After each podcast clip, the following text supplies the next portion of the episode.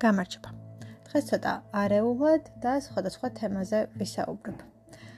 ერთი რაღაცის არჩევის საშუალება რომ გქონდეთ, რას აირჩევდით? მე ძალიან დიდი ალბათობით ზაფხულის დღეს, ზაფხულის დღეებს, ზაფხულს აა სიმწვანეს და იმ ბედნიერებას რომ შემეძლოს ამ ჩემს გარშემო იყოს სიმწვანე, ბაღი, ხეები. და მქონდეს იმის საშუალება და მქონდეს იმის ბედნიერება, რომ ამ სიმწვანეს ვუყურო და ახლოს ვიყო, რაც შეიძლება მეტად. აა და არ ვიცი, დავტკბე და ბედნიერი ვიყო. საფხულით, საფხულის ხელი დღეებით, სასიამოვნო საღამოებით, აა ძალიან ძალიან ურჯი და რაღაც გასაოცარი ცისფერიცით, ამ სიმწვანით და ზოგადად აი ამ ყველაფრით და ზოგადად აი სიცხე, სითბო რო არის. ყველგან არ ვიცი, ჩემთვის სასიამოვნო შეგრძნება არის ესეც კი, როდესაც სახლში ვარ და როდესაც გრძნობ რო აი ზოგადად ხელა და რაღაცნაირად აი ისე რო არის საფხულის თბილ და სასიამოვნო და კარგ დღეებს რომ აღვიქვა და რაღაც მაგ იმის შეგრძნება რომ საფხულია ეს მომენტი ძალიან სიამოვნებს. ამ გადაჭარბებულ სიცხეზე არ მაქვს საუბარი. ნორმალურად უბრალოდ ჩვეულებრივი საფხულის ხელი დღე რომ არის ყოველგვარი ზედმეტი გადაჭარბებული სიცხის გარეშე.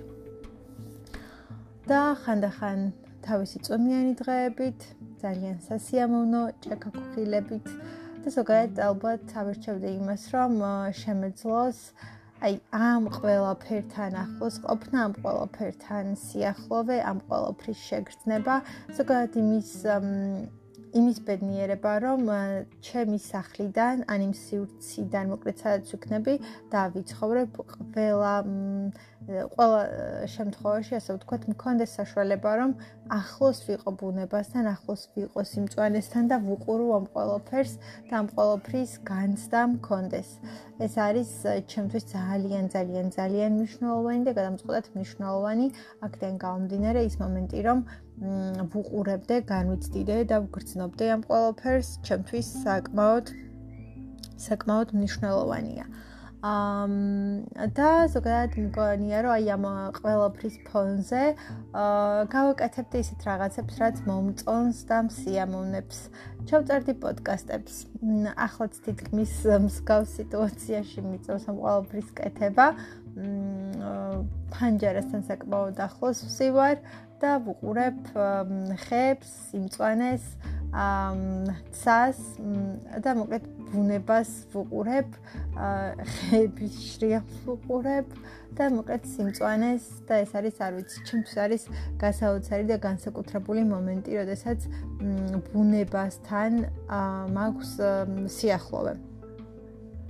არ გულისხმობ იმას, როდესაც მაინც და მაინც მე რაღაცას ვაკეთებ, ან რაღაცის დარგვა, რაღაც უბრალოდ აი ამის შეგრძნება და ყურება ძალიან დიდი ბედნიერება და სიამოვნება და რაღაცნაირად დარწმუნებული ვარ რომ ადამიანები რომლებიც ცხოვრობენ ისეთ გარემოში სადაც უყურებენ მთებს, სიმწვანეს, რაღაცნაირად კიდე სხვანაირი სიმშვიდე და სხვანაირი მდგომარეობა შემოდის ანუ მათ ყოფაში ანუ სხვანაირად კარგად გრძნობენ თავს, სხვანაირად მშვიდად გრძნობენ თავს და მგონია რომ მართლა უბრალოდ უდიდესი ბედნიერებაა, როდესაც გაქვს ამ ყველაფერთან ახლოს ყოფნის ბედნიერება და რომ შეგიძლია რომ ეს ყველაფერი ეს ძალიან ახლოდან იგრძნო და უბრალოდ გქონდეს ამ ყველაფრის შეგრძნება. ძალიან ძალიან მაგარი რამ არის ჩემი აზრით, გასაოცარი არის და არის ერთ-ერთი უდიდესი და უდიდესი უდიდესი ბედნიერება. და მართლა ძალიან ძალიან კარგი რამ არის. მოკლედ ხო ალბათ ამას და კიდევ იმას რომ ნუ ჩავწერდი ალბათ პოდკასტს დავწერდი რაღაცებს წავიკითხავდი ციგნებს და ვიქნებოდი ალბათ ცოტა უფრო მეტად აქტიური ბლოგზე და უბრალოდ ციგნებს წავიკითხავდი ძალიან ბევრს გამოკვლევები რაღაცების წერა და ნუ უფრო მეტად შემოქმედებითი საქმიანობა და ძალიან დიდი ბედნიერება იქნებოდა და სიმშვიდე. ანუ მუდმივად აი რაღაცა იმ მდგომარეობაში რო ხარ და რო გაქვს ამის ბედნიერება, ფუფუნება, საშუალება, იმიტომ რომ ხანდახან ეს ყველაფერი მართლა არის ფუფუნება, რომ კონდეს დრო არაფერი ისეთი საქმე ან გასაკეთებელი არ კონდეს და კონდეს აბსოლუტური აბსოლუტური დრო რო აკეთო ის რაც გინდა რაც მოგწონს რაც ქსიამოვნებს და დაუთმო მთლიანი შენი დრო და ენერგია ამ ყოველფრის კეთებას. აა და ხო ალბათ მე ამას ავირჩევდი, ესე მგონია და ეს იქნებოდა ის რაც ძალიან დიდ ბედნიერებას, სიამოვნებას და სიხარულს მომანიჭებდა. მ კიდევ კიდევ რაზეც მინდა რომ დღეს მე საუბრა რა რანაირად და როგორ უნდა შევხედოთ ალბათ პრობლემებს, როდესაც ეს პრობლემები ჩვენ ცხოვრებაში დგება. აა ნუ თავისთავად ყველა განიცდის, ყველა ნერვიულობს, ყველა დაძაბული არის, გონება აბსოლუტურად კონცენტრირებული არის იმაზე, რომ როგორ მოაგვარო, როგორ გადაჭრა, რა გააკეთო, როგორ მოიქცე რა იმოქმედო. ხანდახან მგონია რომ არ მგონია რა დარწმუნებული ვარ რომ ზოგადად ეს პრობლემებიც ჩვენთვის არის საჭირო და მოდის რაღაცა გარკვეული მიზნით, მიზეზით და იმისათვის რომ ჩვენ უფრო მეტად გავიზარდოთ, რომ ჩვენ უფრო მეტად ვისწავლოთ, რომ უფრო მეტად დავინახოთ, რაღაცები გადავაფასოთ და მოკლედ ეს ყველაფერი და ეს გამოცდილება რეალურად ჩვენ გვჭირდება. და მოდის იმისთვის და მოდის იმიტომ რომ ჩვენ უფრო მეტი დავინახოთ, უფრო მეტი ვისწავლოთ, უფრო მეტი რამ გავიაზროთ, მე გადავაფასოთ და მივხვდეთ. და ყველაფერი არის უბრალოდ გამოცდილება და ხანდახან უბრალოდ უნდა ჩათვალო და უნდა იფიქრო, რომ ეს ყველაფერი ასე უნდა მომხდარიყო, ეს ყველაფერი ასე იყო საჭირო, აა ჩემთვის საჭირო გამოცდილება იყო და რაღაცა უნდა დამენახა, რაღაცა უნდა მესწავლა და რაღაცნაირად ანუ მიყვე ამ მიყვე ამ ყველაფერს, მიყვე ამ დინებას და უბრალოდ მეტნაკლებად მშვიდად გააგრძელო შენ შენი გზა და იმის კეთება, რასაც აკეთებდი. აა და რაც უფრო მეტად აღელვებული ხარ და რაც უფრო მეტად ფორი აქობ და ღელავ უფრო მეტად ხანდახან არასწორ გადაწყვეტილებებს იღებ და უფრო მეტად არეული და ქაოტური ხდება ყველაფერი. აა ასეთ დროს სიმშვიდის შენარჩუნება და გონების გაგრილება არის ყველაზე კარგი რამ, რაც შეიძლება რომ გააკეთო და შემდეგ უფრო დამშვიდებულ, უფრო დაწყნარებულ გონებაზე მიიღო გადაწყვეტილება და უფრო გონივრულად გადაჭრა ყველაფერი. აა მე პირადად ერთ-ერთი ნუ დიდი და ისეთი ცოტა უფრო სერიოზული პრობლემა რაც მქონდა აა ანუ უფრო მეტად ვეცადე ალბათ რომ შვიდად შვიდად ვყოფილიყავი და შვიდად მომეგვარებინა. მ რა თქმა უნდა ძალიან რთული იყო და შინაგანად ყოველთვის ძალიან დარდობდი, ნერვიულობდი, მუდმივად აფორიაქებული და აღელვებული ვიყავი საკმაოდ მოქმედებს ჩვენს ნერვებზე, განწყობაზე.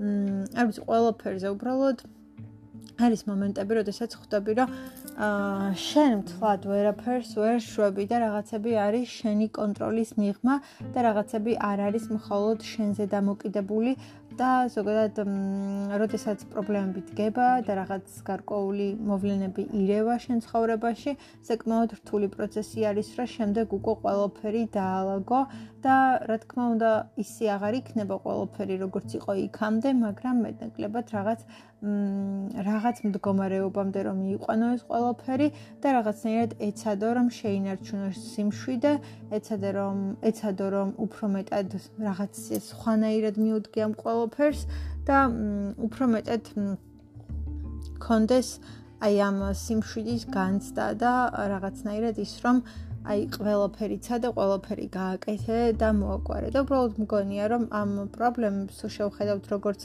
საჭირო გამოცდილებას და გამოცდილებებს ჩვენს ცხოვრებაში ესეც რაღაცნაირად დაგვეხმარება რომ უბრალოდ მივენდოთ რაღაცნაირად და ხანდახან ზედმეტი ნერვიულობა უბრალოდ ჩვენთვისვე არის ცუდი.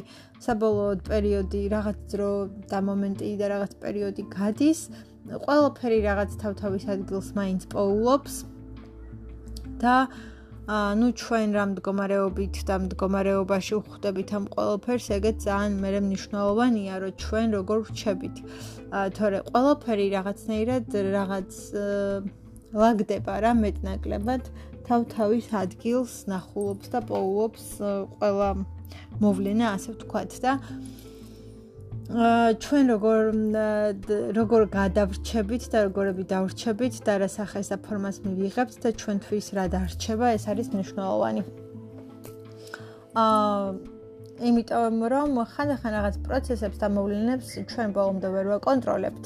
მხოლოდ ჩვენზე არ არის დამოკიდებული, კიდე ძალიან ბევრი ადამიანი არის ჩართული და მათი ემოციებიც და მათი მდგომარეობებიც მნიშვნელოვანი და გასათვალისწინებელია. აქედან გამომდინარე ეს ყველაფერი რაღაცნაირად მხოლოდ ჩვენ და მარტო ჩვენ არ გვეხება, ასევე ეხება იმ ადამიანებსაც და მხოლოდ ჩვენზე არ არის დამოკიდებული. და ნუ საბოლოოდ რა თქმა უნდა ყველაფერი რაღაცა დრო რო გადის და რაღაც პერიოდი გადის ყველაფერი რაღაც ფორმას იღებს, სახეს იღებს, რაღაცნაირად ლაგდება, რაღაც კონდიციამდე ესე ვთქვით მიდის, მაგრამ ანუ ჩვენ როგორ და რანაირად ვიქნებით და დავრჩებით ამ ყოველფრის მერე ეს არის მნიშვნელოვანი და ჩვენ ჩვენთვის რა დარჩება და ჩვენ რა დაგვრჩება ასე ვთქვით. და კიდევ არის ერთი რამ რომ ანუ თუ მაგალითად აა თუ მაგალითად ჩვენ არაფრის შეცვლა არ შეგიძლია, აა მაშინ ტყუილად ნერვიულობ, ხო? იმიტომ რომ შენ რეალურად ვერაფერს ვერ შეცვლი და შენ რეალურად ვერაფერს ვერ გამოასწორებ. და ანუ არაფერი არ შეგიძლია, ანუ ვერაფერს ვერ იზამ, ვერაფერს ვერ გააკეთებ. შესაბამისად, შენი ნერვიულობა მხოლოდ მხოლოდ შენ გაზიანებს და შენს ნერვულ სისტემას და შენს ასე ვთქვათ მდგომარეობას და ანუ ვერაფერს ვერ აკეთებ. ხანდახან არის ასეთი შემთხვევები და მდგომარეობები, როდესაც მართლაც ვერაფერს ვერ შვები და ვერაფერს ვერ აკეთებ. რაღაცნაირად უძლური ხარ, უძლური ხარ იმ ყველაფრის წინაშე და იმ ყველაფერთან მიმართებით, რაც რეალურად ხდება. რაც მიმდინარეობს და რაც ასე ვთქვათ ტრიალებს და არაფრის გაკეთება, არაფრის შეცვლა არ შეგიძლია და ანუ უბრალოდ არ შეგიძლია რომ რაიმე მოიმოქმედო, რაიმე გააკეთო, რაღაც შეცვალო და ნუ მოკლედ ერთადერთი არის ის რომ უნდა ამ ყველაფერს მეტნაკლებად მაინც მიენდო და ანუ ამ პროცესებს მიყვე.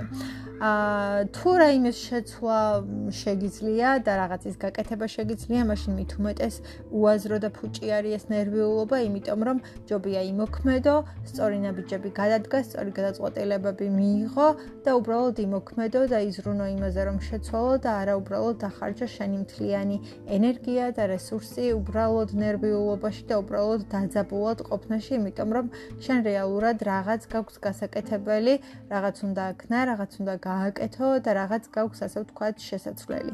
და ეს მომენტი საკმაოდ მნიშვნელოვანია, რომ იმოქმედო და არა უბრალოდ დადგე და უყურო ამ ყველაფერს, იმიტომ რომ შენი ჩართულობა ამ შემთხვევაში მნიშვნელოვანია. და დღეისათვის კიდევ ერთი რამ რაც უბრალოდ მინდოდა რომ მე თქვა არის ის რომ ადამიანები ჩვენ ყველანი და რა თქმა უნდა მეც მათ შორის. ანუ ცუდი არის მაგრამ ნუ ალბათ ასე ვართ მოწყობილები არ ვიცი. აა ძალიან ცუდი არის როდესაც ადამიანი არ ფიქრობს მომავალზე. ანუ იმას არ გულისხმობ და ზოგადად ყველაფერი სწორად უნდა დავალაგოთ ალბათ გონებაში და ყველაფერს თავთავისი ადგილი მივუჩნიოთ, მაგრამ ზოგადად ჩემი აზრით სწორი არის, როდესაც ამ მომენტით ცხოვრობ და ამ აწმყოში ცხოვრობ და არ კარგავ ამ შენს აწმყო მომენტებს და დროს და არ ფლანგავ. ანუ რა სადაც ხარ და როგორც ხარ, იმით უნდა დატკბე, იმით უნდა ისიამოვნო, ის მომენტები შეირგო და იმით იყო ძალიან ბედნიერი, იმიტომ რომ არც ერთი წუთი აღარ განმეორდება ჩვენ ცხოვრებაში. ცხოვრებაში. თუ არაფერს არ აკეთებს, არაფრის კეთების მომენტიც ძალიან კარგად მოირგო და შეირგო და დატკბე. ანუ რასაც არ უნდა აკეთებდე, იმ მომენტში იყო. ანუ იცხოვრო იმ წამით, იცხოვრო იმ მომენტით, იცხოვრო აწმყოში და იცხოვრო აწმყოთ იმ და ნებისმიერი მოცემული მდგომარეობით და მოცემული რეალობით და აწმყოში მოცემულობით უბრალოდ დადგმე და რასაც არ უნდა აკეთებდე, რადგან შენ აქ და ახლა ხარ, გააკეთო გულით, გააკეთო მთელი ემოციით, გააკეთო სიყვარულით და უბრალოდ იმ მოცემულობით დადგმე, რადგანაც შენი მოცემულობა იმ წამს არის ეს ყველაფერი.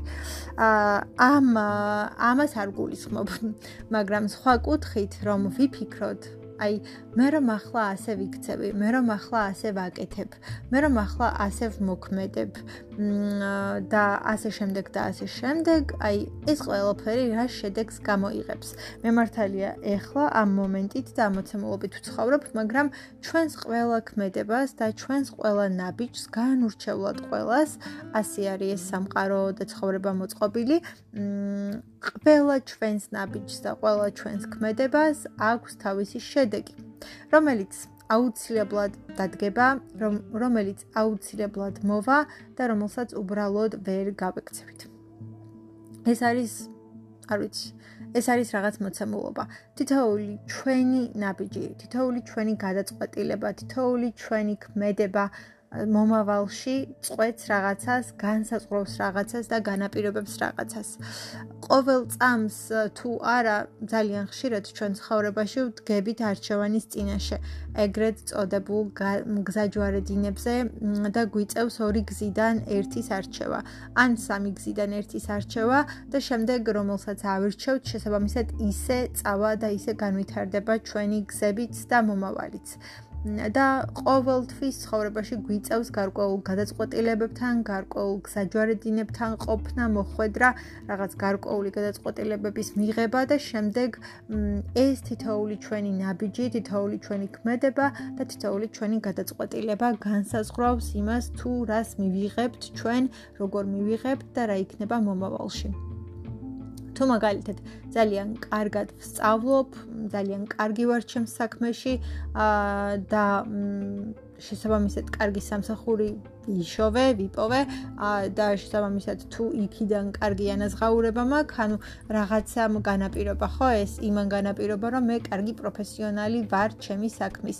იმან რომ მე მიყვარს ჩემი საქმე და იმან რომ მე ჩემს საქმეს კარგად ვაკეთებ, შესაბამისად ჩემი შემოსავალი და ჩემი ანაზღაურებაც არის კარგი. ანუ თუ ასეთ რაღაცებზე ხვდებით უფრო მარტივად რომ აი ამან ეს განსაზღვრა ამან ეს განაპირობა ამან ეს გამოიწვია და ამის შედეგი იყო ეს ყველაფერზე არის ასე. ხანდახან ადამიანები როდესაც როდესაც უკვე ასე ვთქვათ მეტნაკლებად ხანდაზმულ ასაკს აღწევენ, რაღაცებით არიან ხოლმე უკმაყოფილოები, რაღაცები არ მოსწონთ, რაღაცებით ნაწყენი არიან თითქოს, აა რაღაც ზოგიერთ ადამიანს წყინსის და გულის ტკივა და გული წყდება იმაზე, სადაც არის და რასაც აკეთებს. გული წყდება იმაზე, რაც არ ქნა, რაც არ გააკეთა, რაც ალბათ უნდა და რაც ვერ შეძლო. იმ წუთას რეალურად რაღაც გარემოებებიდან გამომდინარე და მოცემულობებიდან გამომდინარე თავისთავად ალბათ ვერ შეძლო და ვერ გააკეთა. მაგრამ რეალურად არის ის, რომ მაინც ვერ ქნა, მაინც ვერ გააკეთა და მე არის გულის წყვეტა იმ ყველაფერზე, რაც ვერ გააკეთა. ან რაღაცნაირად გული წდებათ იმაზე, რა გზაც მათ არ გამოიარეს, რა არჩევანიც მათ არ გააკეთეს და რაც არ ქონიათ. თუ მაგალითად ადამიანი მხოლოდ ასე ვთქვათ, ოჯახში იყო და ოჯახის წევრებზე ქონდა მსრულნელობა, რაღაცნაირად სინანული შემოდის იმაზე, რომ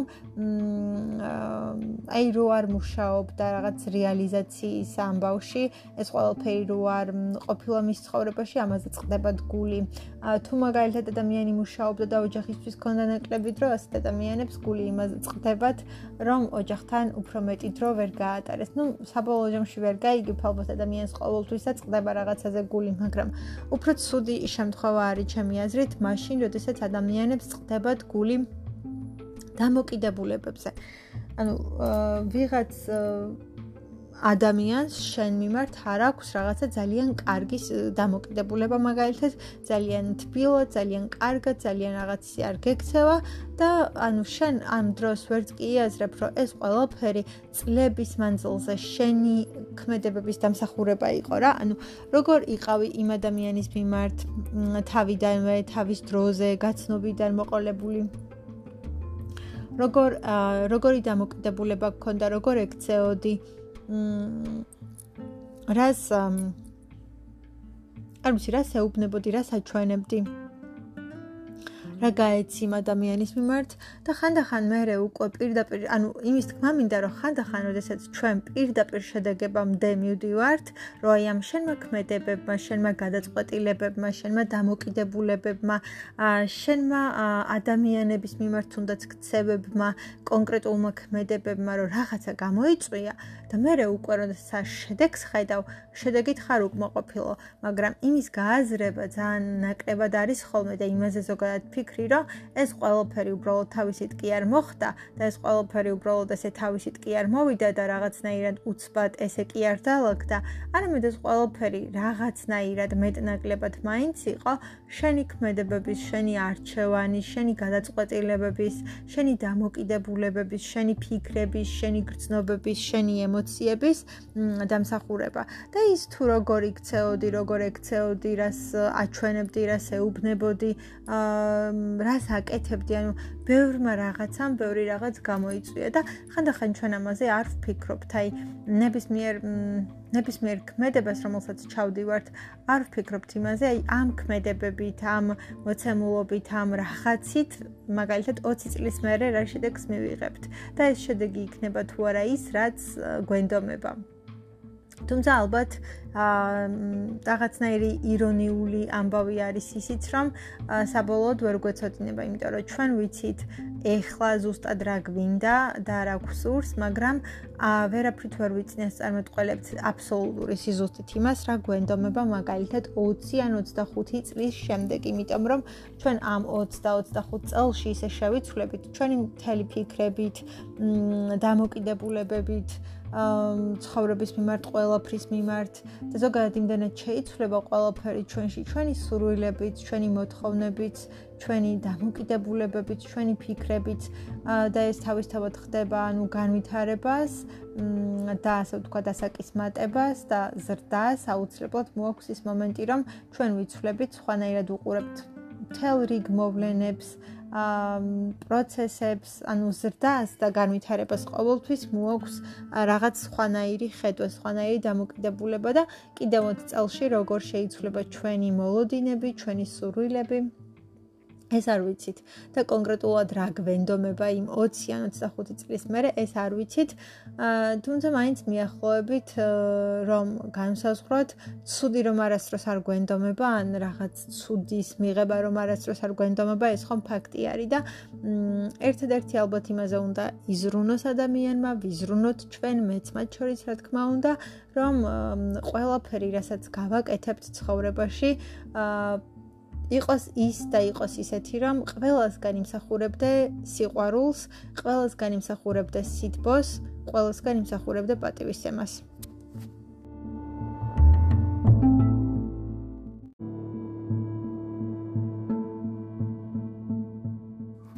გამარჯობა. დღეს ცოტა არეულად და სხვადასხვა თემაზე ვისაუბრებ. ერთი რაღაცის არჩევის საშუალება რომ გქონდეთ, რას აირჩევდით? მე ძალიან დიდი ალბათობით ზაფხულის დღეს, ზაფხულის დღეებს, ზაფხულს აა სიმწვანეს და იმბედნიერებას რომ შემეძლოს ამ ჩემს გარშემო იყოს სიმწვანე, ბაღი, ხეები და მქონდეს იმის საშუალება და მქონდეს იმის ბედნიერება რომ ამ სიმწვანეს ვუყურო და ახლოს ვიყო, რაც შეიძლება მეტად. აა და არ ვიცი, დავტკბე და ბედნიერი ვიყო. საფხულით, საფხულის ხელი დღეებით, სასიამოვნო საღამოებით, აა ძალიან ძალიან ურჯი და რაღაც გასაოცარი ცისფერიცით, აა სიმწვანით და ზოგადად აი ამ ყველაფრით და ზოგადად აი სიცხე, სითბო რო არის ყველგან არ ვიცი, ჩემთვის სასიამოვნო შეგრძნება არის ესეც კი, როდესაც სახლში ვარ და როდესაც გრძნობ, რომ აი ზოგადად ხელა და რაღაცნაირად აი ისე რო არის საფხულის თბილ და სასიამოვნო და კარგ დღეებს რომ აღვიქვა და რაღაც მაგ იმის შეგრძნება რომ საფხულია ეს მომენტი ძალიან სიამოვნებს. ამ გადაჭარბებულ სიცხეზე არ მაქვს საუბარი. ნორმალურად უბრალოდ ჩვეულებრივი საფხულის ხელი დღე რომ არის ყოველგვარი ზედმეტი გადაჭარბებული სიცხის გარეშე.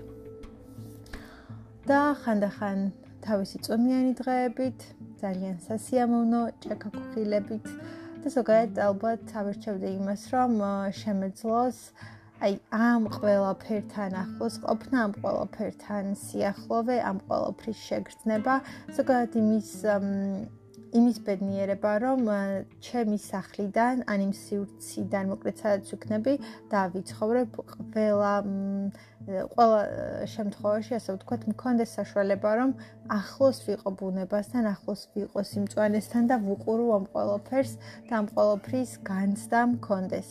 ეს არის ჩემთვის ძალიან, ძალიან, ძალიან მნიშვნელოვანი და გადამწყვეტად მნიშვნელოვანი აქდან გამომდინარე ის მომენტი, რომ ვუყურებდე, განვიცდიდე და ვგრძნობდე ამ ყველაფერს, ჩემთვის საკმაოდ საკმაოდ მნიშვნელოვანია. ამ და ზოგადად მგონია რომ აი ამ ყველაფრის ფონზე აა გავაკეთებდი ისეთ რაღაცებს, რაც მომწონს და მსიამოვნებს. ჩავწერდი პოდკასტებს. ახლაც თითქმის მსგავს სიტუაციაში მიწევს ამ ყველაფრის კეთება. მ ფანჯარასთან საკმაოდ ახლოს ვსივარ და ვუყურებ ხებს, სიმწვანეს, ცას და მოკლედ ბუნებას ვუყურებ, ხების შრიალს ვუყურებ და მოკლედ სიმწვანეს და ეს არის არ ვიცი, ჩემთვის არის გასაოცარი და განსაკუთრებული მომენტი, როდესაც ბუნებასთან მაქვს სიახლოვე.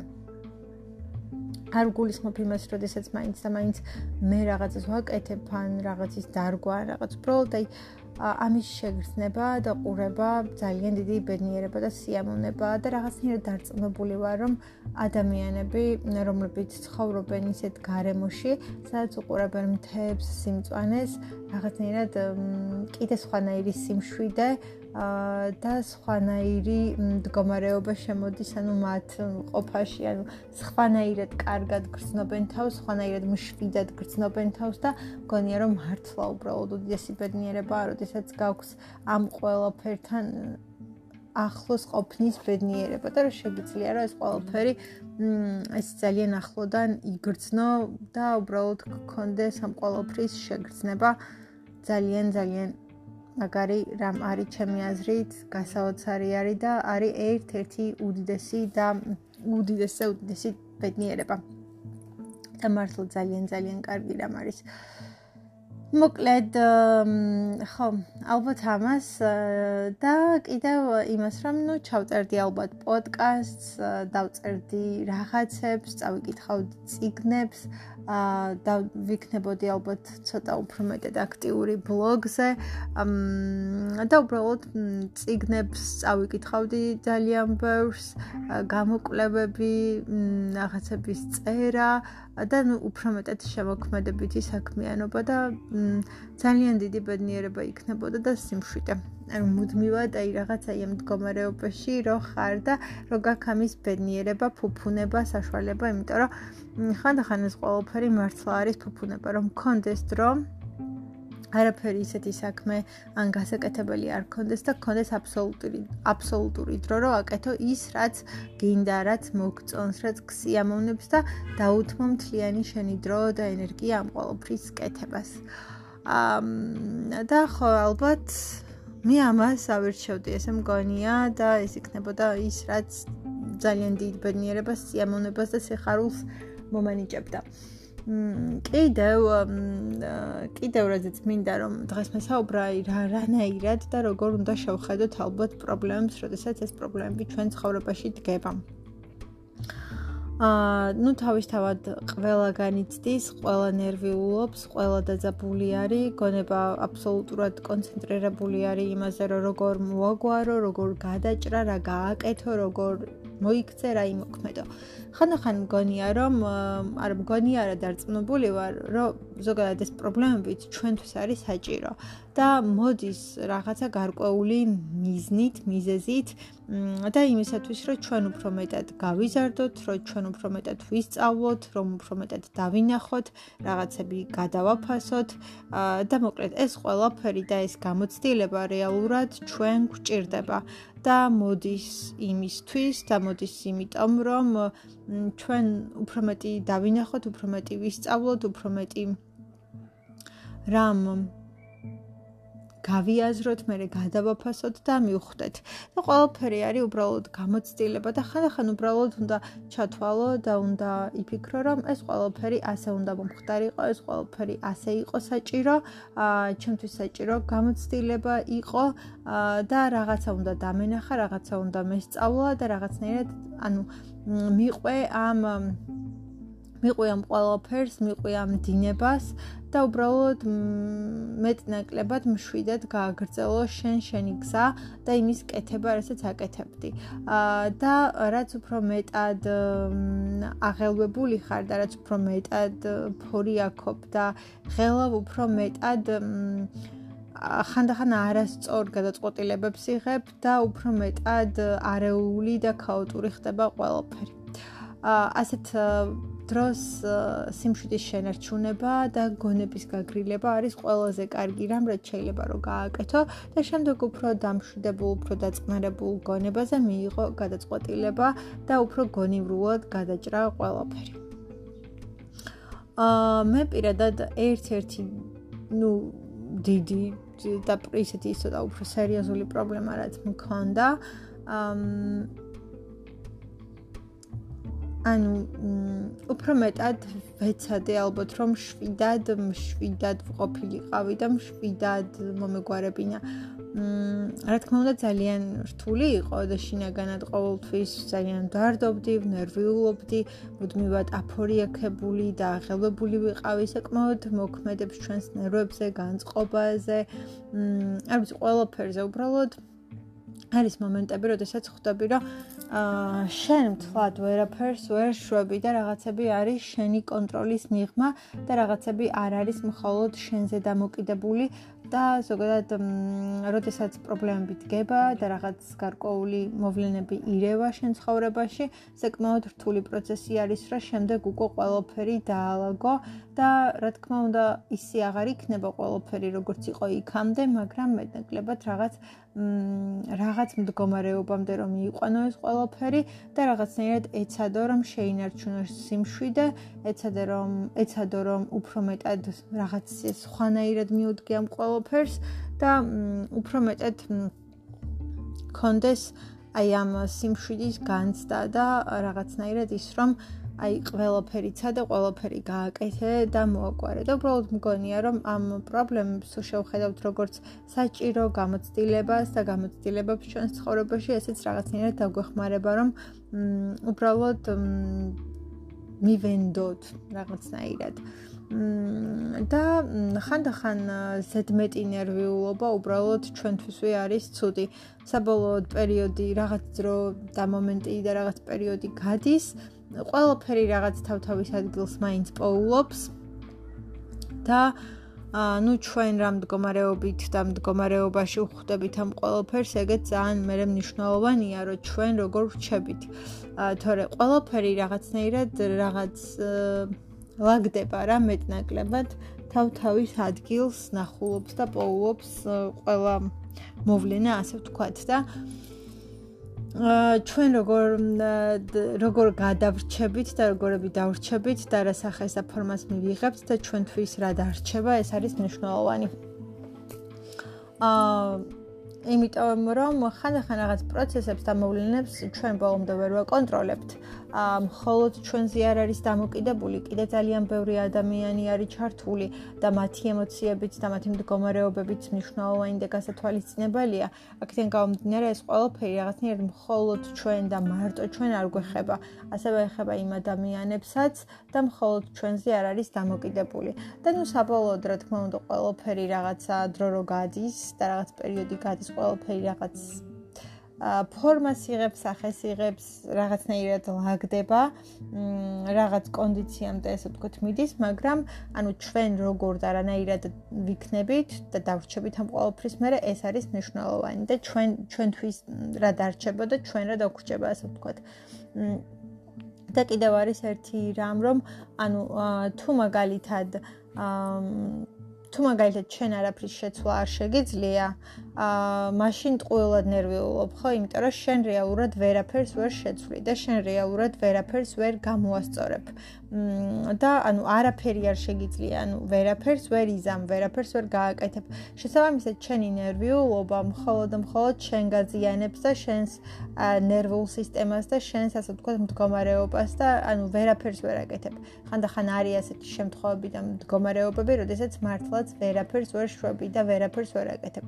რაღაცნაირად უძლური ხარ, უძლური ხარ იმ ყველაფრის წინაშე და იმ ყველაფერთან მიმართებით, რაც რეალურად ხდება რაც მიმდინარეობს და რაც ასე ვთქვათ ტრიალებს და არაფრის გაკეთება, არაფრის შეცვლა არ შეგიძლია და ანუ უბრალოდ არ შეგიძლია რომ რაიმე მოიმოქმედო, რაიმე გააკეთო, რაღაც შეცვალო და ნუ მოკლედ ერთადერთი არის ის რომ უნდა ამ ყველაფერს მეტნაკლებად მაინც მიენდო და ანუ ამ პროცესებს მიყვე.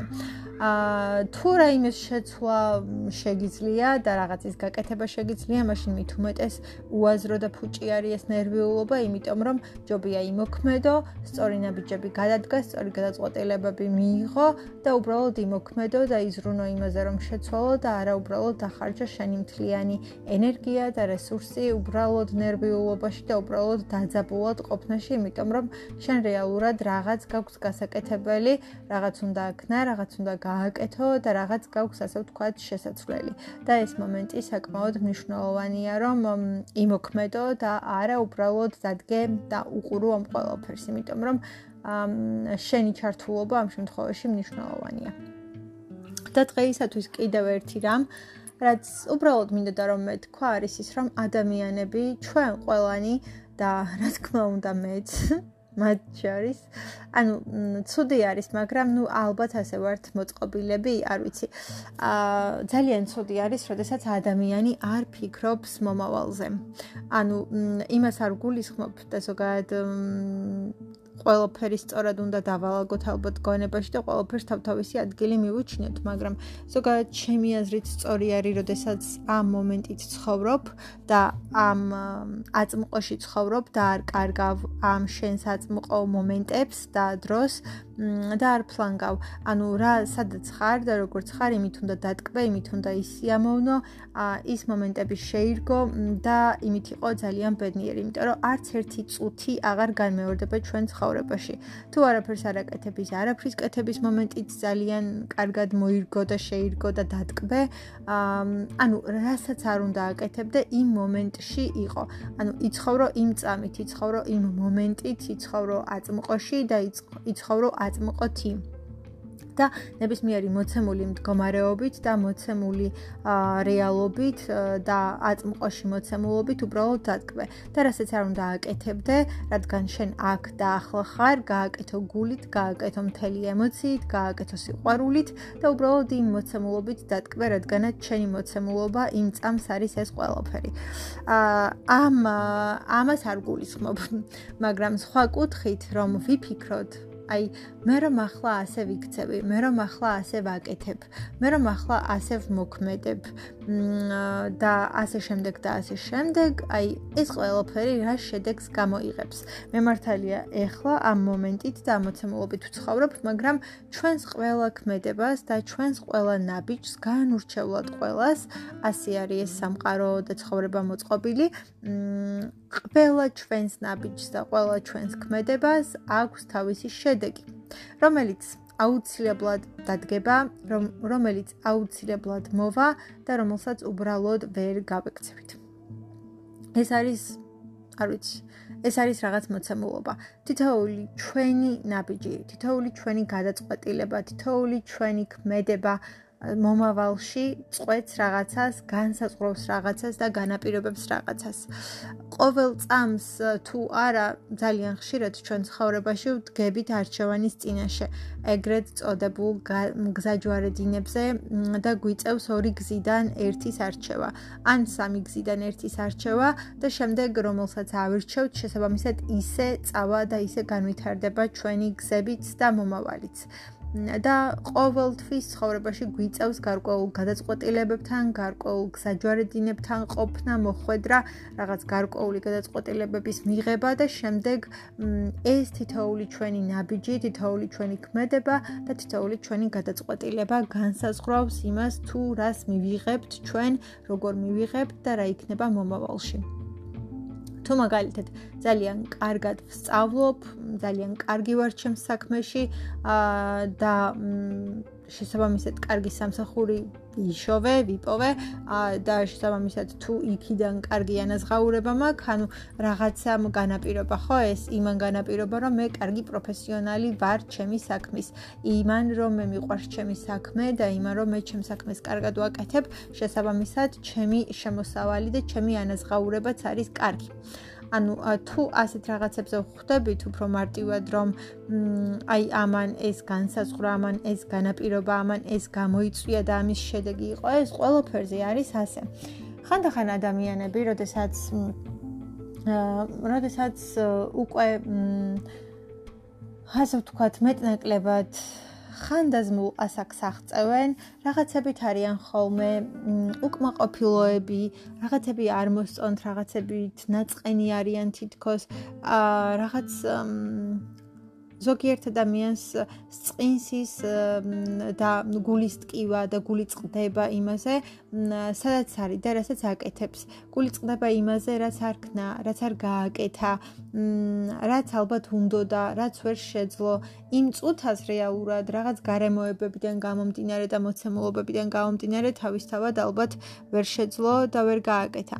მაგრამ რეალურად არის ის, რომ მაინც ვერ ქნა, მაინც ვერ გააკეთა და მე არის გულის წყვეტა იმ ყველაფერზე, რაც ვერ გააკეთა.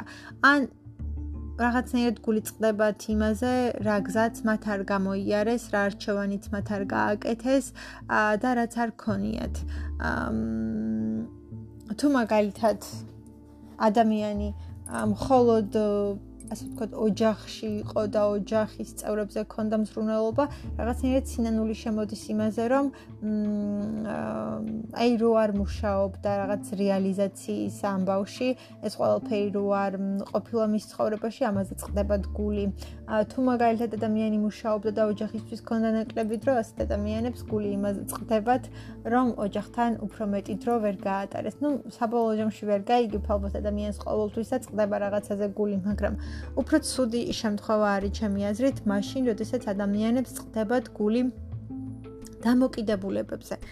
ანუ ვიღაც ადამიანს შენ მიმართ არ აქვს რაღაცა ძალიან კარგი დამოკიდებულება მაგალითად ძალიან თბილო, ძალიან კარგად, ძალიან რაღაცი არ გექცევა და ანუ შენ ამ დროს ვერც კი აზრებ, რომ ეს ყველაფერი წლების მანძილზე შენი ქმედებების დამსახურება იყო რა. ანუ როგორ იყავი იმ ადამიანის მიმართ თავიდანვე, თავის დროზე, გაცნობიდან მოყოლებული როგორ როგორი დამოკიდებულება გქონდა, როგორ ექცეოდი? მ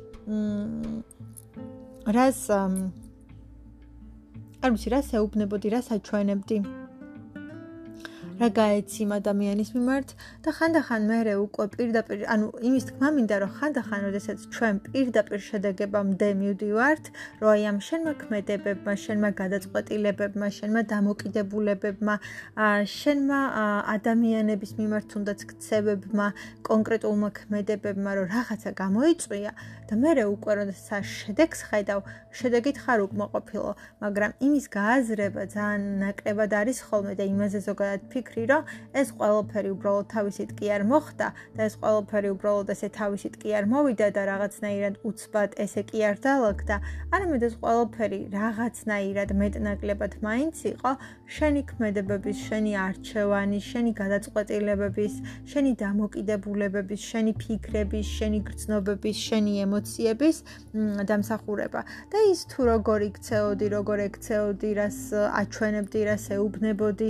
რას აკეთებდი, ანუ ბევრმა რაღაცამ ბევრი რაღაც გამოიწვია და ხანდახან ჩვენ ამაზე არ ვფიქრობთ. აი, ნებისმიერ ნებისმიერ ქმედებას, რომელსაც ჩავდივართ, არ ვფიქრობთ იმაზე, აი, ამ ქმედებებით, ამ მოცემულობით, ამ რაღაცით, მაგალითად 20 წლის მერე რა შედეგს მივიღებთ და ეს შედეგი იქნება თუ არა ის, რაც გვენდომება. თუმცა ალბათ აა რაღაცნაირი ირონიული ამბავი არის ისიც, რომ საბოლოოდ ვერ გვეცოდინება, იმიტომ რომ ჩვენ ვიცით ეხლა ზუსტად რა გვინდა და რა გვსურს, მაგრამ აა ვერაფრით ვერ ვიცნეს წარმოტყოლებთ აბსოლუტური სიზუსტით იმას, რა გვენდომება მაგალითად 20 ან 25 წლის შემდეგ, იმიტომ რომ ჩვენ ამ 20 და 25 წელში ისე შევიცვლებით ჩვენი მთელი ფიქრებით, დამოკიდებულებებით ცხოვრების მიმართ, ყველაფრის მიმართ და ზოგადად იმდენად შეიცვლება ყველაფერი ჩვენში, ჩვენი სურვილებით, ჩვენი მოთხოვნებით, ჩვენი დამოკიდებულებებით, ჩვენი ფიქრებით და ეს თავისთავად ხდება, ანუ განვითარებას და ასე ვთქვა, დასაკისმატებას და ზრდას აუცილებლად მოაქვს ის მომენტი, რომ ჩვენ ვიცვლებით, სხვანაირად უყურებთ თელ რიგ მოვლენებს, პროცესებს, ანუ ზრდას და განვითარებას ყოველთვის მოაქვს რაღაც სხვანაირი ხედვა, სხვანაირი დამოკიდებულება და კიდევ 20 წელში როგორ შეიცვლება ჩვენი მოლოდინები, ჩვენი სურვილები.